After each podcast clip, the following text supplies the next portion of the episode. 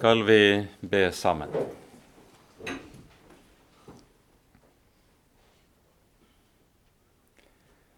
Kjære gode Gud, trofaste og hellige Far.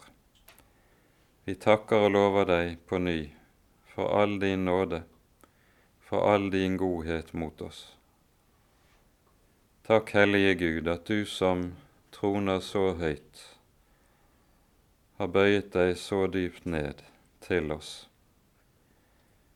Du har sendt din elskede Sønn for å søke og frelse det som er fortapt.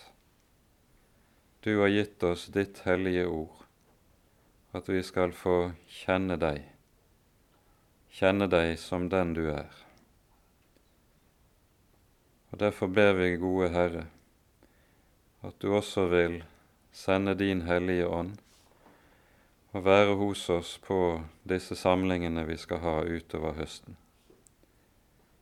Vær hos oss med ditt lys og din sannhet, for at vi kan forstå ordet ditt, at ordet ditt kan skrives inn i hjertene våre,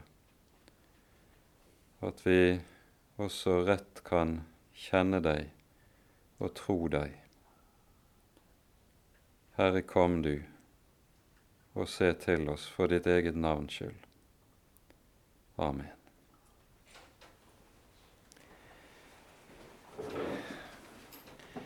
Når vi nå skal begynne på andre Samuels bok, så står vi med det også ved et stort vendepunkt i Davids liv.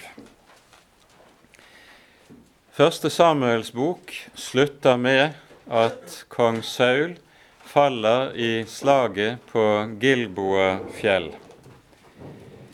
Um, og så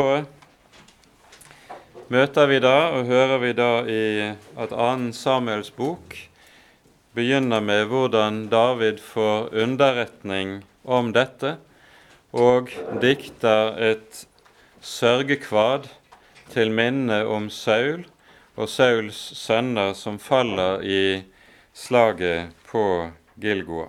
Gilboa. Dette blir da foranledningen til at David nå kan bestige tronen. Det er ingen lenger som forfølger David. Og Det betyr at forfølgelsesårene under Eller som varte så lenge Saul satt på tronen, de er med dette slutt, og med dette også Davids trengselsår. Det har jo vært slik for David at årene fra nokså fort etter at han slo Goliat, så måtte han begi seg på flukt for kong Saul. Og det har muligens vært så mye som hele ti år David stadig har måttet frykte for sitt liv, og at Saul har etterstrebet ham og prøvet å ta ham av dage. David er nå 30 år gammel, og vi befinner oss etter det som er vanlig kronologi på dette, slik man tenker i dag, ved år 1000 før Kristus. Man mener at David krones til konge år 1000, og blir da sittende på tronen i 40 år. Disse 40 årene deles igjen i to. De første syv årene eh, anerkjennes han som konge kun over to av stammene, nemlig sin egen stamme, Judas stamme, og Benjamins stamme. Disse to regjerer han over. Unnskyld, Benjamin kommer senere. Det er Judas stamme og Simeons stamme. Og så kommer Benjamin senere sammen med resten av Israel syv år senere, og anerkjennes, da anerkjennes David som konge over hele Israels folk.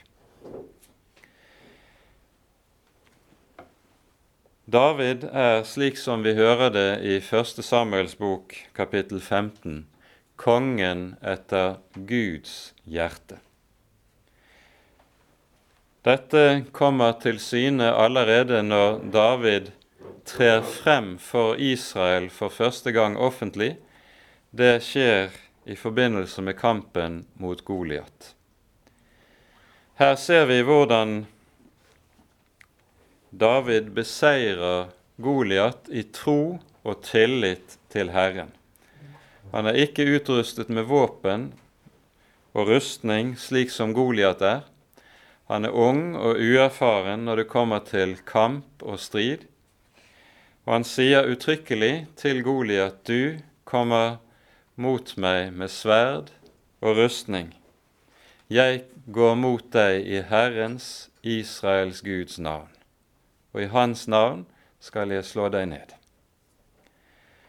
Og slik er det at i, dag, i denne kampen så ser vi hvordan ånd står mot kjød, tillit til menneskelig styrke står i motsetning til tillit til Herren. Og det er det som på en måte er kampen mellom David og Goliat i et nøtteskall. For her viser og representerer David det som er Israel, det sanne Israel, og hva som er Israels bestemmelse.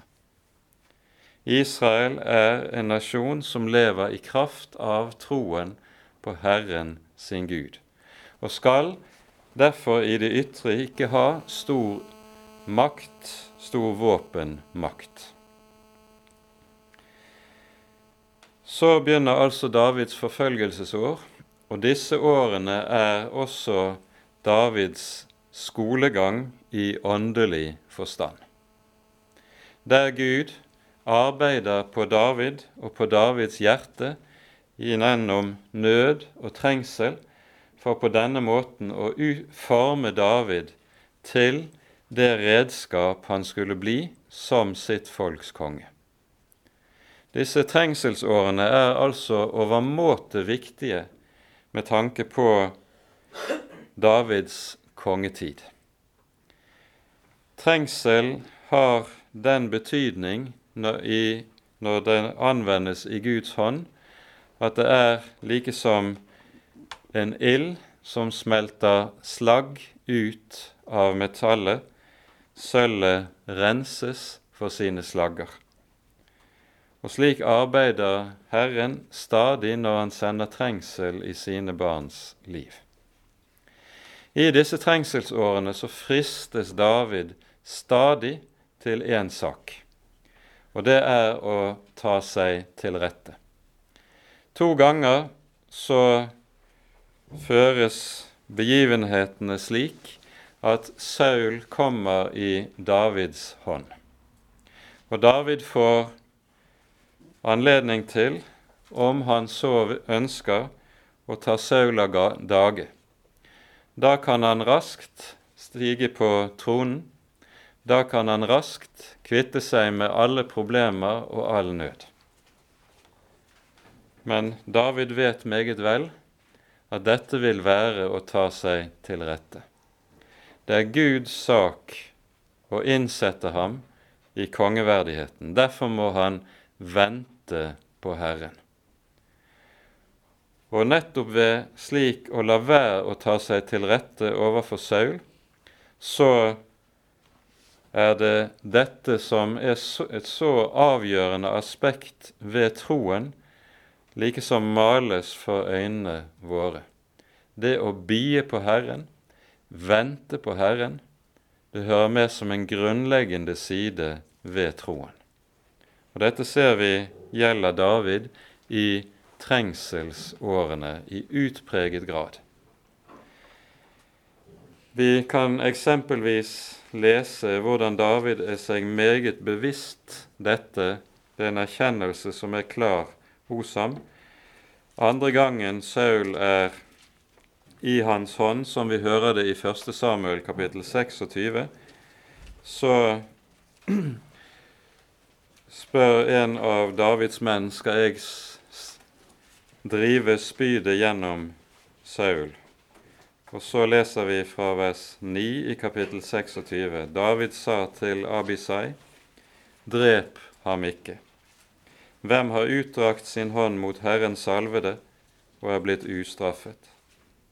Og David sa, Så sant Herren lever, Herren skal selv slå ham, enten nå hans dag kommer og han dør, eller han drar i krigen og blir bortrykket. Herren fri meg fra å legge hånd på Herrens salvede.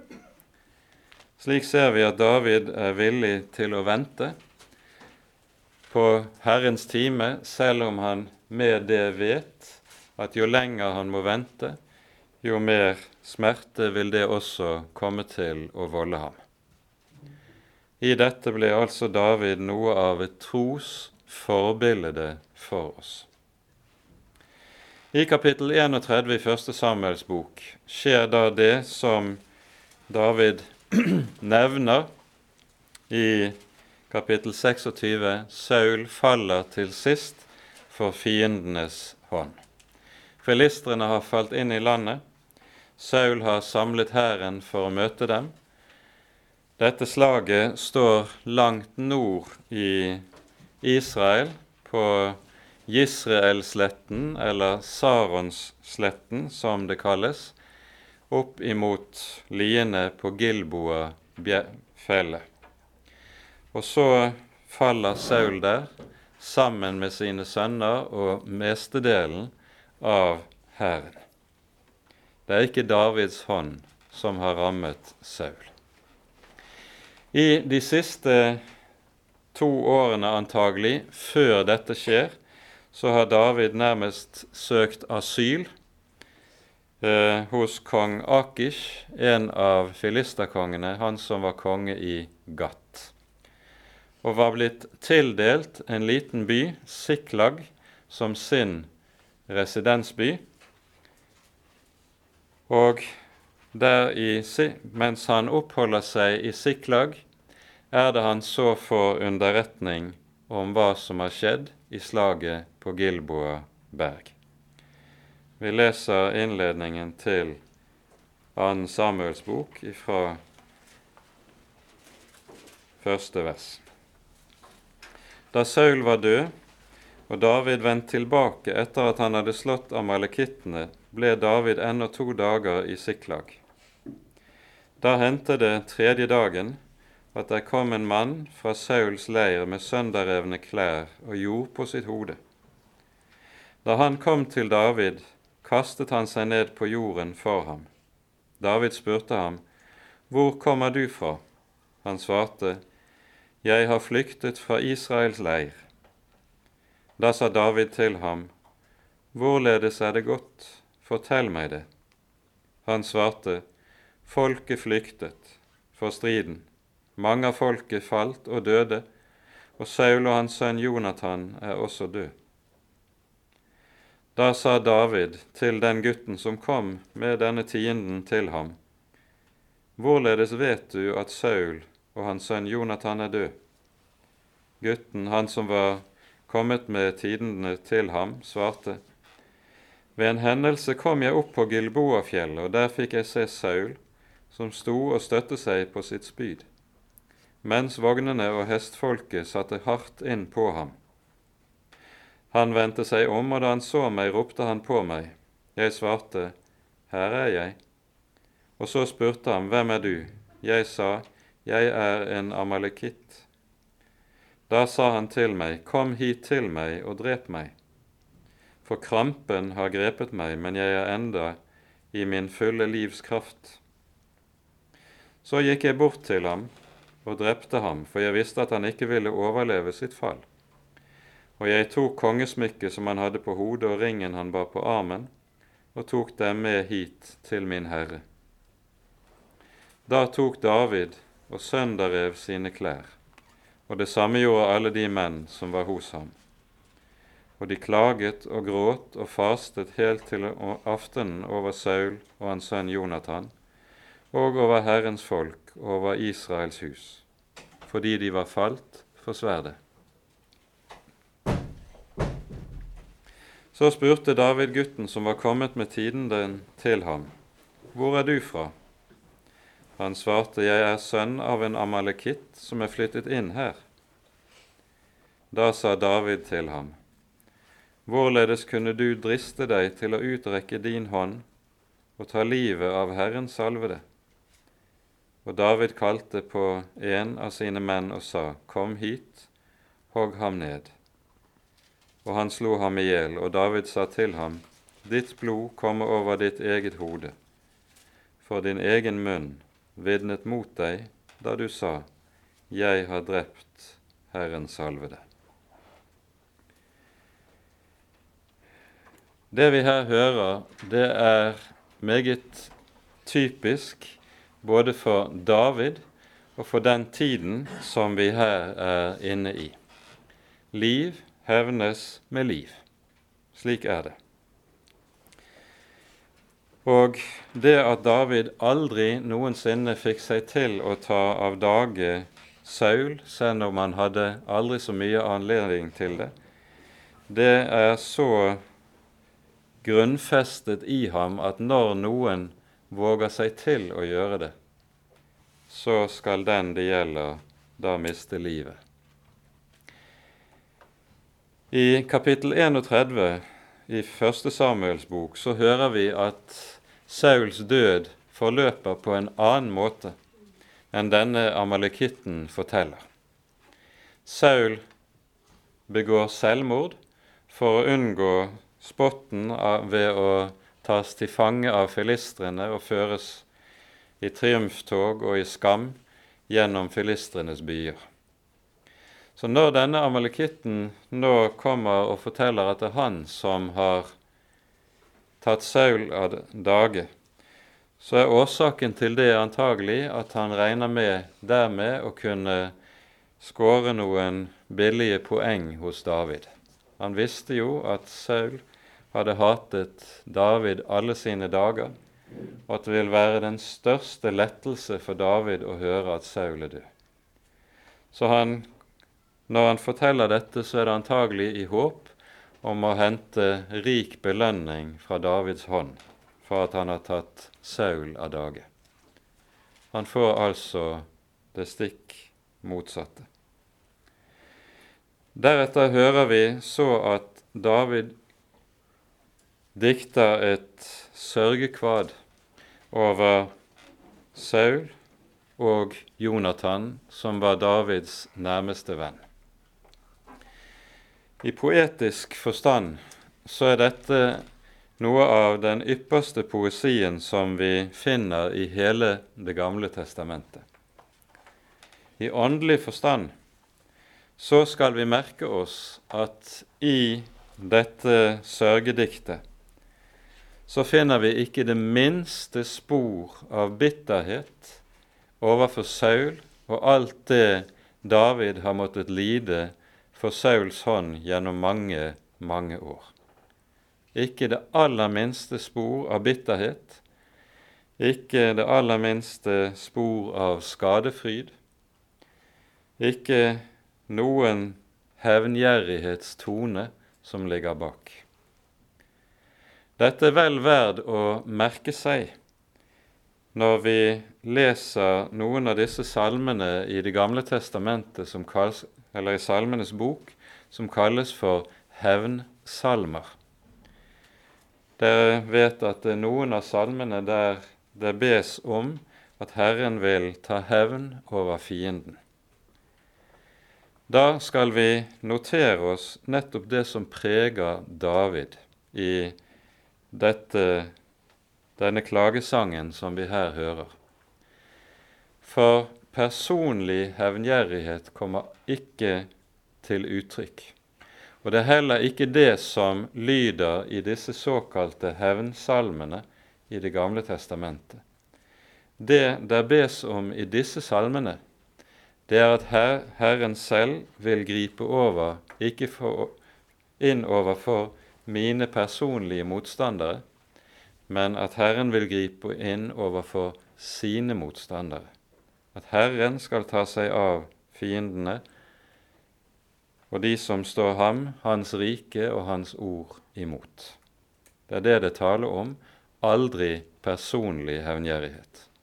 Og det er viktig å være oppmerksom på, for disse salmene volder mang en bibelleser vansker når de leser det, for man har lett for å tenke slik at her er det personlig hevngjerrighet som taler. Og da stemmer det jo lite med det Jesus lærer oss om å vende det andre kinnet til overfor den som gjør oss ille. Det får være nok om det. Vi går videre til kapittel to. Siden spurte David Herren, skal jeg dra opp til en av byene i Juda? Herren svarte, gjør det. Da spurte David, hvor hen skal jeg dra? Og han svarte, til Hebron. Da dro David der opp med sine to hustruer, Akinoam fra Israel og Abigail, karmelitten Nabals hustru. Og de menn som var hos ham, lot David også dra der opp, hver med sitt hus, og de bosatte seg i byene omkring Hebron. Da kom Judas menn dit og salvet David til konge over Judas hus. Så kom noen og fortalte David at det var mennene i Jabes i Gilead som hadde begravet Saul. Da sendte David bud til mennene i Jabes i Gilead og lot si til dem, Velsignet være dere av Herren, fordi dere har gjort den kjærlighetsgjerning mot deres herre Saul og begrave ham. Så viser nå Herren sin miskunnhet og sin trofasthet mot dere, og jeg vil også gjøre vel mot dere, fordi dere har gjort dette. Så ta nå mot til dere og vær djerve menn, for vel er deres herre Saul død, men Judas hus har også salvet meg til konge over seg. Men Abner, Ners sønn, Sauls hærfører, tok Isbosets, Sauls sønn, og førte ham over til Mahanaim og gjorde ham til konge over Gilead, og over asurittene og over Israel og Efraim og Benjamin og hele Israels land. Isboset, Sauls sønn, var 40 år gammel da han ble konge over Israel og regjerte i to år. Det var bare Judas hus som holdt seg til David. Hele den tid David var konge i Hebron over Judas hus, var syv år og seks måneder. Det vi skal merke oss i denne perioden vi nå kommer inn i i Davids liv, det er at David ikke tar ett eneste skritt på egen hånd gjennom egne bestemmelser og overveielser. Han spør for hvert eneste avgjørende skritt Herren om råd. Like som hele hans tid på flukt hadde bestått i det å bie på Herren, at Herren skulle føre sin sak for ham, så kommer det samme til uttrykk nå når han også er trygg. Det er Herren som skal være hans rådgiver. Det er Herren som skal lede hans fot. Han gjør ikke noe skritt på egen hånd og ut fra egne tanker. Når han flytter til Hebron, så er Hebron den byen som var sentrum i Juda stammes område. Det er altså Judas stamme som anerkjenner David som konge og salver ham til konge, hører vi.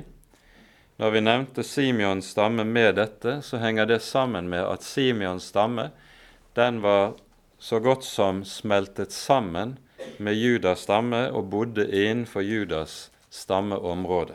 Så det er disse to av de tolv stammene det er tale om.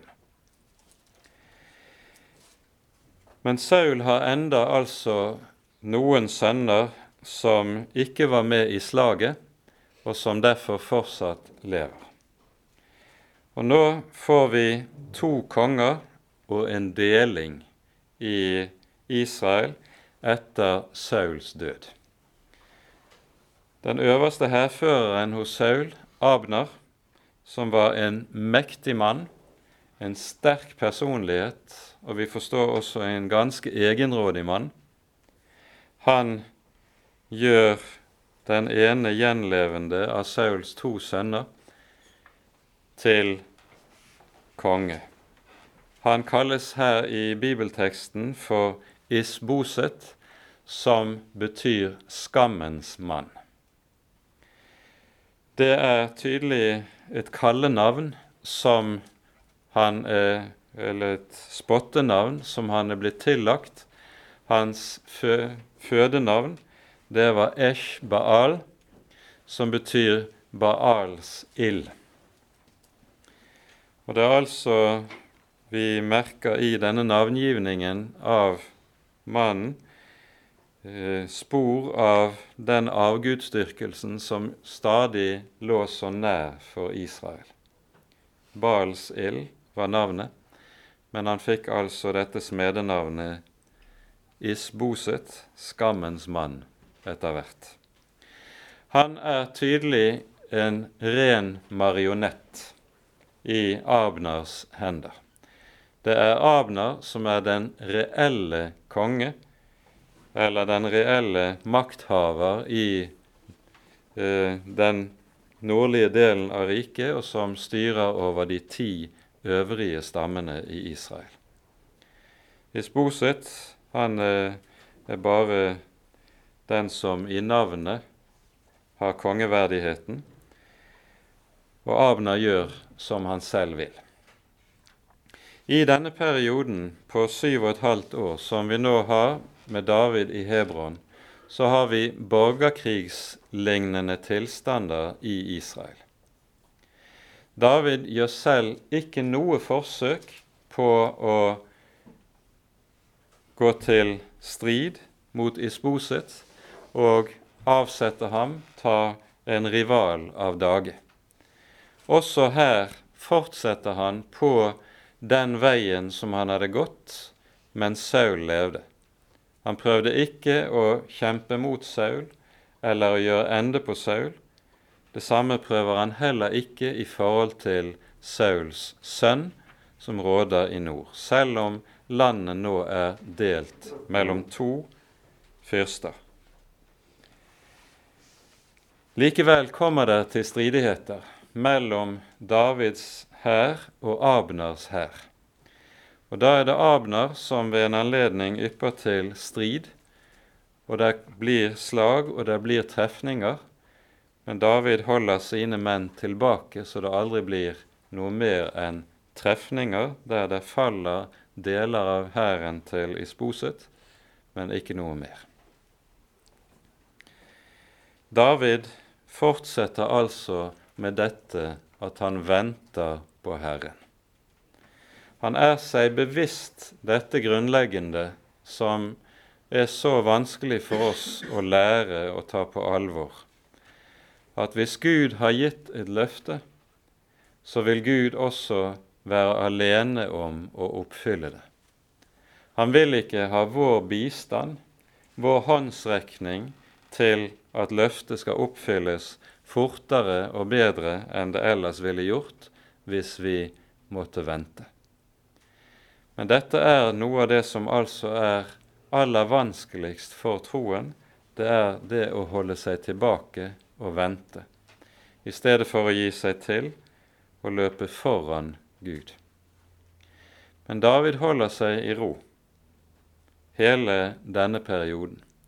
Vi hører i de kommende kapitlene, kapittel 3 og 4, om hvorledes det gradvis går til at Isbosets svekkes, inntil det blir en slik konflikt mellom Abner og ham at Abner vender ham ryggen og innleder forhandlinger med David om å gjøre David til konge alene over hele Israels folk. Vi behøver ikke å gå gjennom disse kapittel 2 og 3 og 4, det er lite hyggelig lesning. For her ser vi hvordan det i sannhet er meget synd ute og går blant Davids menn. Joab, som er Davids hærfører, han er meget sjalu på Abner og frykter at får du en allianse der Abner slutter seg til David, vil han miste sin stilling som hærfører i Israel, i tillegg til at Abner bærer personlig nag. Er at Joab bærer personlig nag mot Abner. Abner drepte nemlig en av Joabs brødre i det første slaget som var mellom de to styrkene. Derfor tar Joab Abner av dage ved svik, noe som David var uvitende om, og han gjør offentlig en slik, foretar offentlig en slik avstandstagen fra dette drapet at hele Israel skjønner at her har David overhodet ikke hatt noen hånd med i laget. Når Abner er død, så er det ingen lenger som kan holde Ishboset oppe. Og så hører vi hvordan to av hans tjenere ved hoffet myrder ham på simpleste vis. Dette står det om i kapittel 4.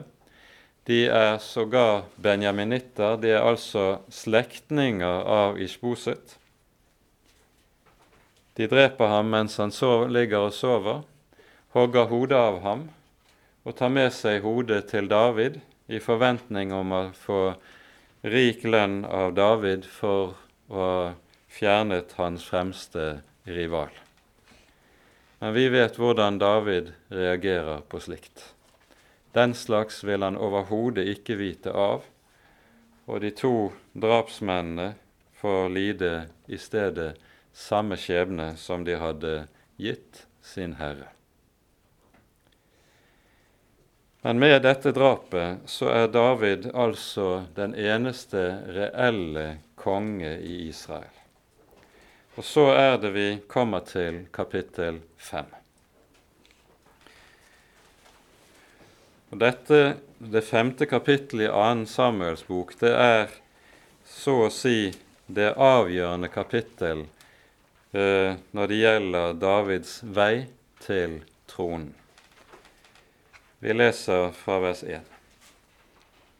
Så kom alle Israels stammer til David i Hebron og sa:" her er vi. Vi er av samme kjøtt og blod som du. Allerede for lenge siden, da Saul var konge over oss, var det du som førte Israel ut og inn, og Herren sa til deg, Du skal vokte mitt folk Israel, og du skal være fyrste over Israel. Og alle Israels eldste kom til kongen i Hebron, og kong David gjorde en pakt med dem i Hebron for Herrens åsyn. De salvet David til konge over Israel. David var 30 år gammel da han ble konge, og regjerte i 40 år. I Hebron regjerte han over Juda i syv år og seks måneder, og i Jerusalem regjerte han i 33 år over hele Israel og Juda. Så dro kongen og hans menn til Jerusalem mot jebusittene som bodde der i landet. Men de sa til David, Du kommer aldri inn her. Blinde og lamme skal drive deg bort med de ord. David kommer aldri inn her. Men David inntok likevel Sions borg. Det er Davids by.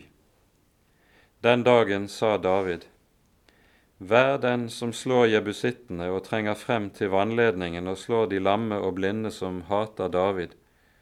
Han skal være høvding og fører. Derav kommer det ordet, en blind og en lam skal ikke komme inn i huset. David tok sin bolig i borgen og kalte den Davids stad. Og David bygget rundt omkring fra Milo og innover. David ble større og større, og Herren herskarenes Gud var med ham. Og Hiram, kongen i Tyrus, sendte sendemenn til David med sedertre og sendte tømmermenn og steinhoggere. De bygget et hus for David.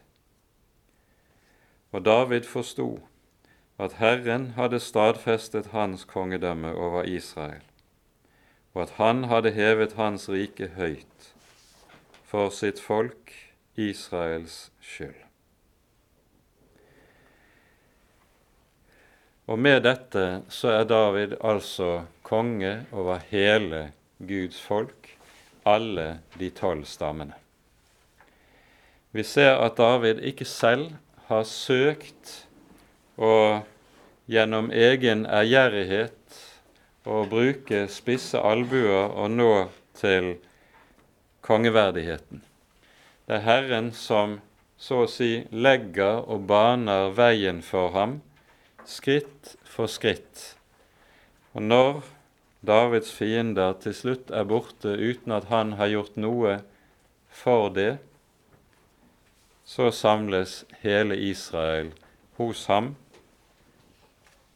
og vi aner at det er en veldig glede og det er en veldig lettelse som Israel samles med når de kan komme som ett folk til David i Hebron.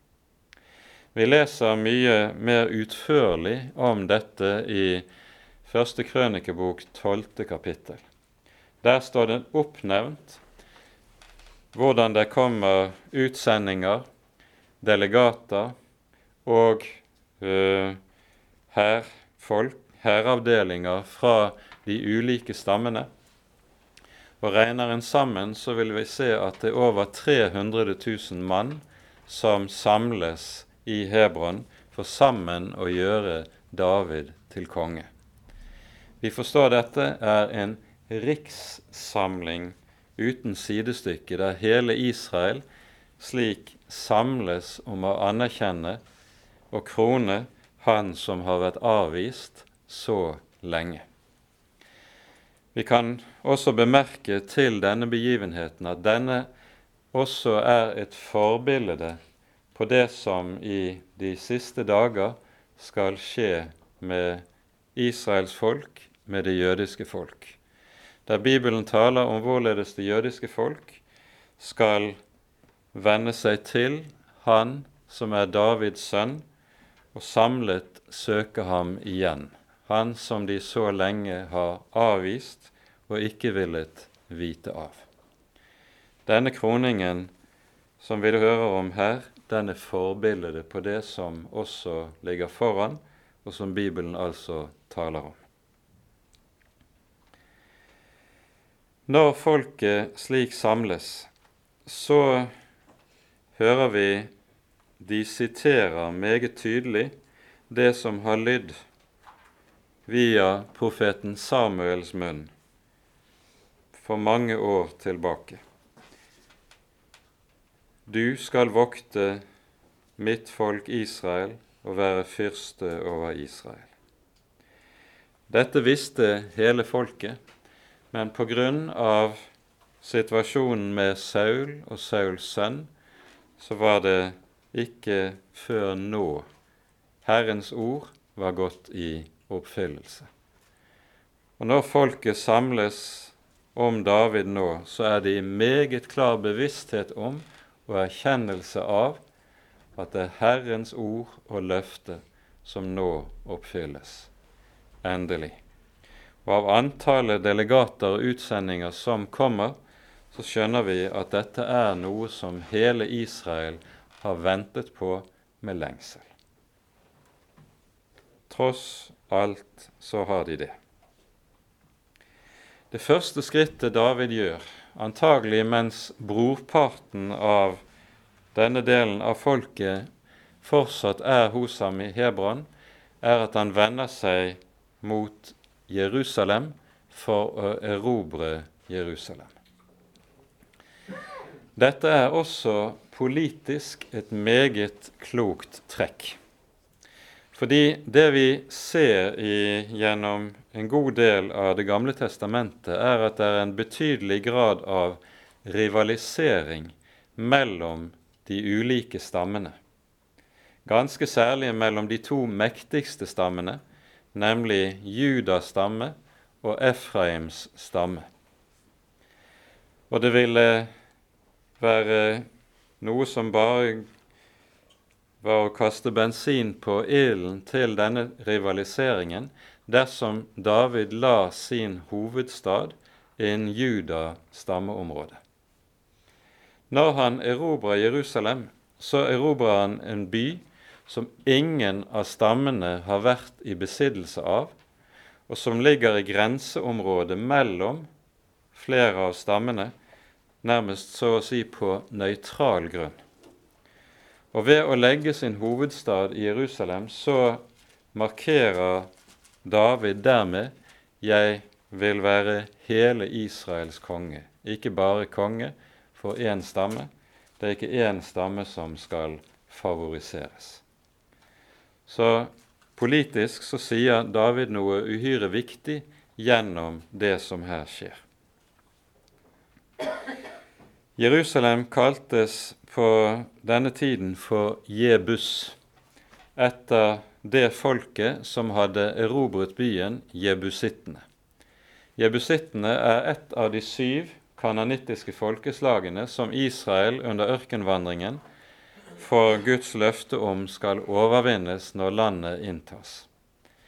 Men jebusittene blir altså ikke endelig overvunnet før nå. 400 år etter at Israel inntok det lovede land.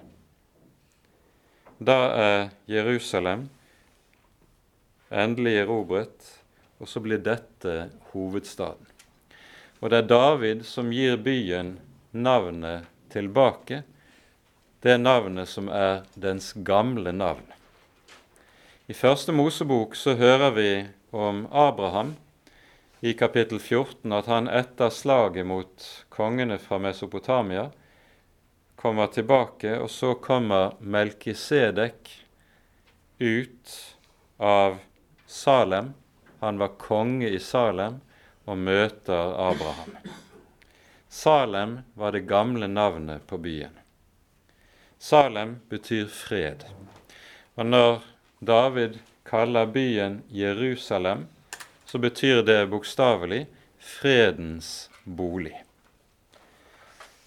Med dette har David både villet gi byen tilbake dens gamle navn, og samtidig si noe om at nå er det atter fred i Herrens folk.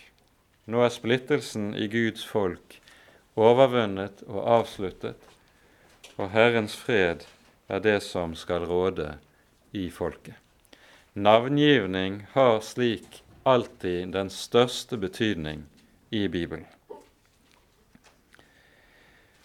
Så blir det da slik at Jerusalem senere kommer til å få en veldig betydning gjennom hele den videre bibelske historie. I det byen ikke bare blir sentrum og hovedstad for det jordiske Israel, men den også kommer til å bli forbildet på det som er Guds endelige mål for historien. Det er ikke tilfeldig at vi på Bibelens siste blad hører tale om det nye Jerusalem som stiger ned fra himmelen fra Gud. Byen bærer i seg bildet av det som er Guds rike. Og her samles to av de avgjørende institusjonene i Guds folk. Vi skal se mer på det neste gang. For det første er det David som konge som har Jerusalem som sin by. Byen er Davids by og kalles så. Og dernest så er det her tempelet, Herrens pakts ark, skal komme til å få sin bolig. Og så blir helligdommen og Davids hus det som likesom er byens egentlige innhold. Noe av dette er også forbildet på det som ligger foran når det taler om det nye Jerusalem, der Davids store sønn er dens konge, og hele byen er blitt til helligdommen, slik som det skildres i Åpenbaringen kapittel 21 og 22. Alt peker fremover dit. Av denne grunn er det ikke tilfeldig at vi i Salmenes bok finner en rekke salmer som taler om Jerusalem og Jerusalems betydning i, ikke bare i bokstavelig forstand, men også åndelig forstand. Dere kan ved anledning ta dere tid til å lese noen av disse. Jeg nevner her Salme 46, Salme 48 og Salme 87 som eksempler på noen av disse salmene, som både har dette med seg at de taler om Jerusalem som Herrens bolig i bokstavelig forstand, når byen var sete for Israels folk og David som konge, men også Herrens bolig i den forstand som peker fremover mot historiens mål. Begge disse perspektivene hører med i disse salmene, som er skrevet rundt Jerusalem. David føres av Herren selv på tronen.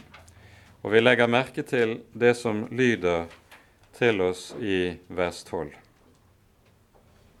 David forsto at Herren hadde stadfestet hans kongedømme over Israel. Det var altså ikke David selv som hadde sørget for å trenge seg frem til tronen, sikre seg makten. Makten hvilte på en helt annen og sikrere grunnvoll enn en manns ambisjoner, en manns personlige makt osv. Det var Herrens gjerning, det hele. Og Dette var David seg klart bevisst. Sto det til ham selv, så var han ikke kommet i denne stilling. Det er Herren som har gjort alle ting. Det vet David meget vel. Det første som nå skjer etter at David, Davids trone er sikret, det er at filistrene samler seg. Vi leser vers 17. Da filistrene hørte at David var salvet til konge over Israel, dro alle filistrene ut for å søke etter David. Vi har ikke hørt noe om filistrene de syv årene som er gått fra David ble kronet i Hebron og frem til nå. Det har antagelig to grunner. For det første det at filistrene jo var de som hadde overherredømme i landet.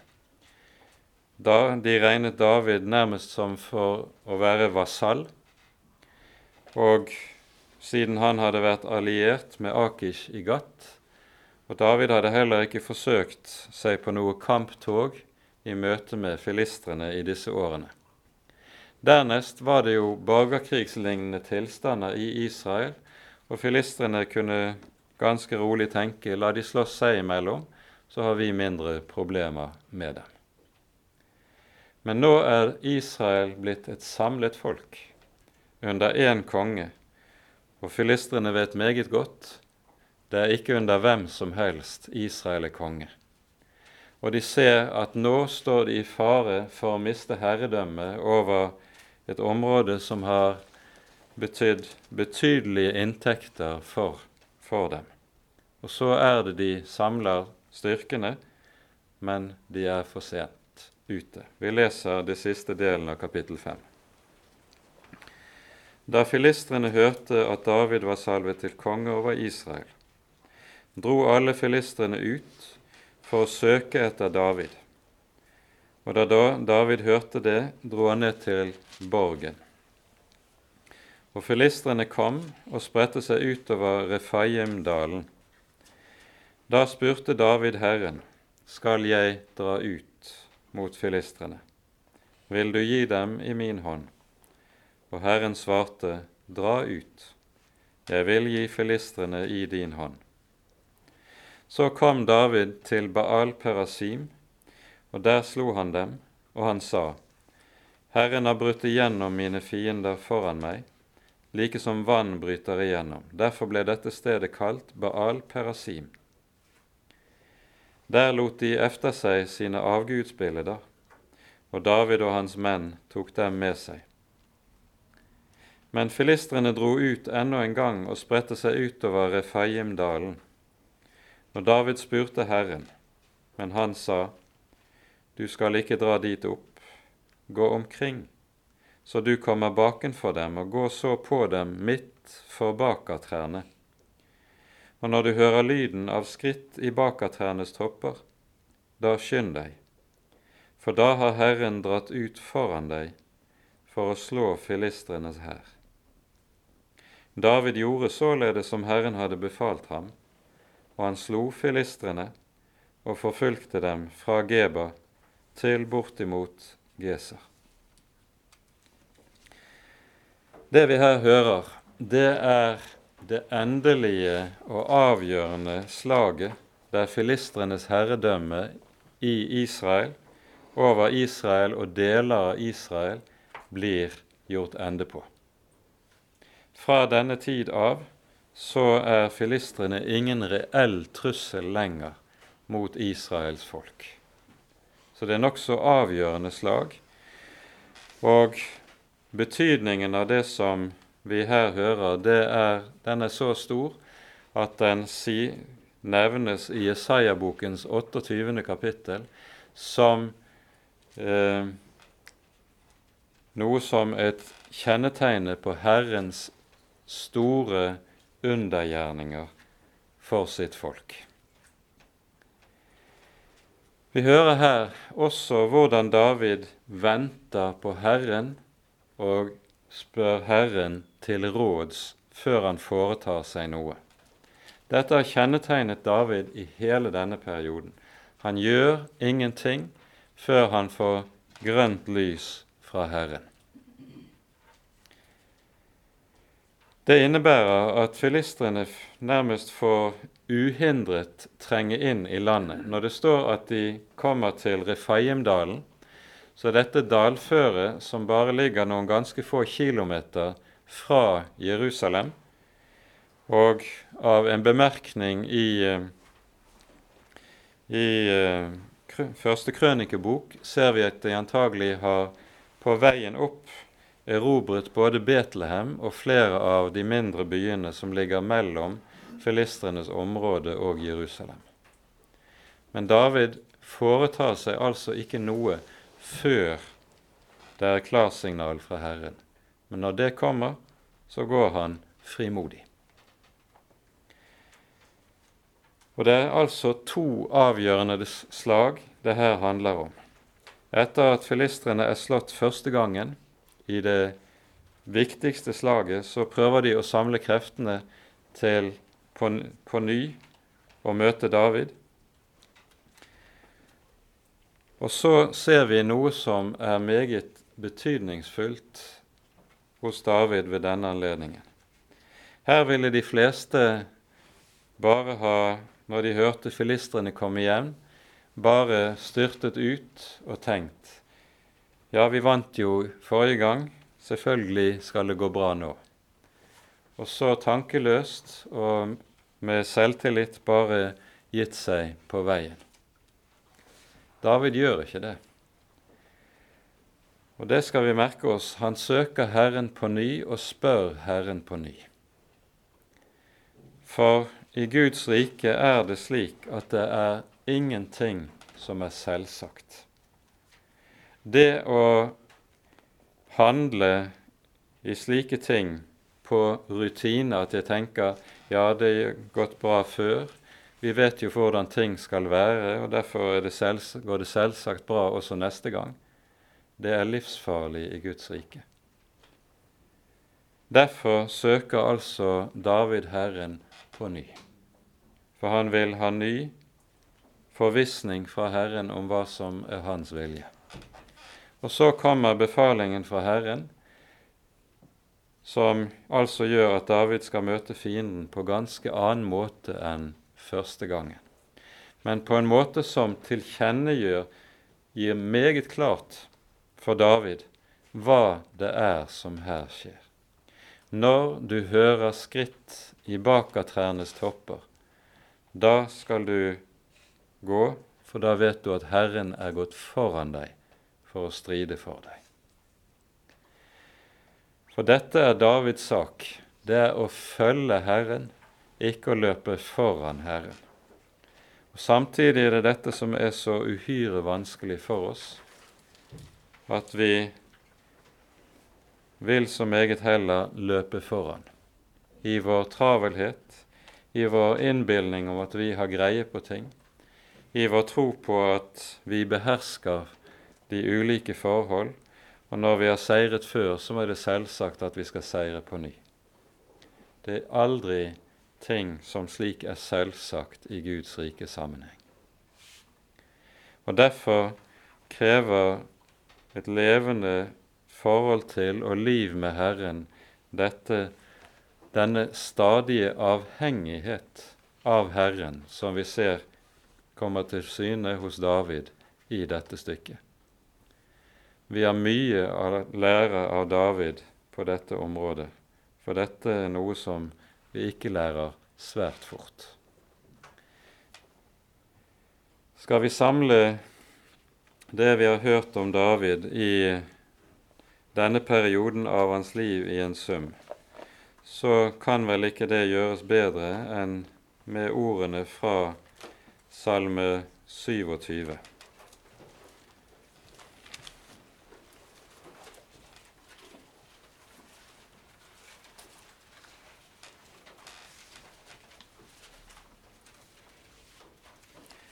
Vi leser her noen vers fra begynnelsen først. Herren er mitt lys og min frelse, for hvem skal jeg frykte? Herren er mitt livs vern, for hvem skal jeg reddes? Når ugjerningsmenn nærmer seg imot meg for å oppsluke meg, mine motstandere og mine fiender, så snubler og faller de selv. Om en hær leirer seg imot meg, da frykter ikke mitt hjerte. Om krig reiser seg imot meg, enda er jeg trygg. Én ting har jeg bedt her om, Herren om, det stunder jeg etter, at jeg må bo i Herrens hus alle mitt livs dager, for å skue Herrens livlighet og grunne i Hans tempel. For Han gjemmer meg i sin hytte på den onde dag. Han skjuler meg i sitt telt skjul. På klippen fører han meg opp. Nå skal mitt hode oppløfte seg over mine fiender rundt omkring meg, og jeg vil ofre jubelofferet i hans telt. Jeg vil prise og lovsynge Herren. Og så slutter salmen med disse ordene. Bi på Herren, vær ved godt mot, og ditt hjerte være sterkt.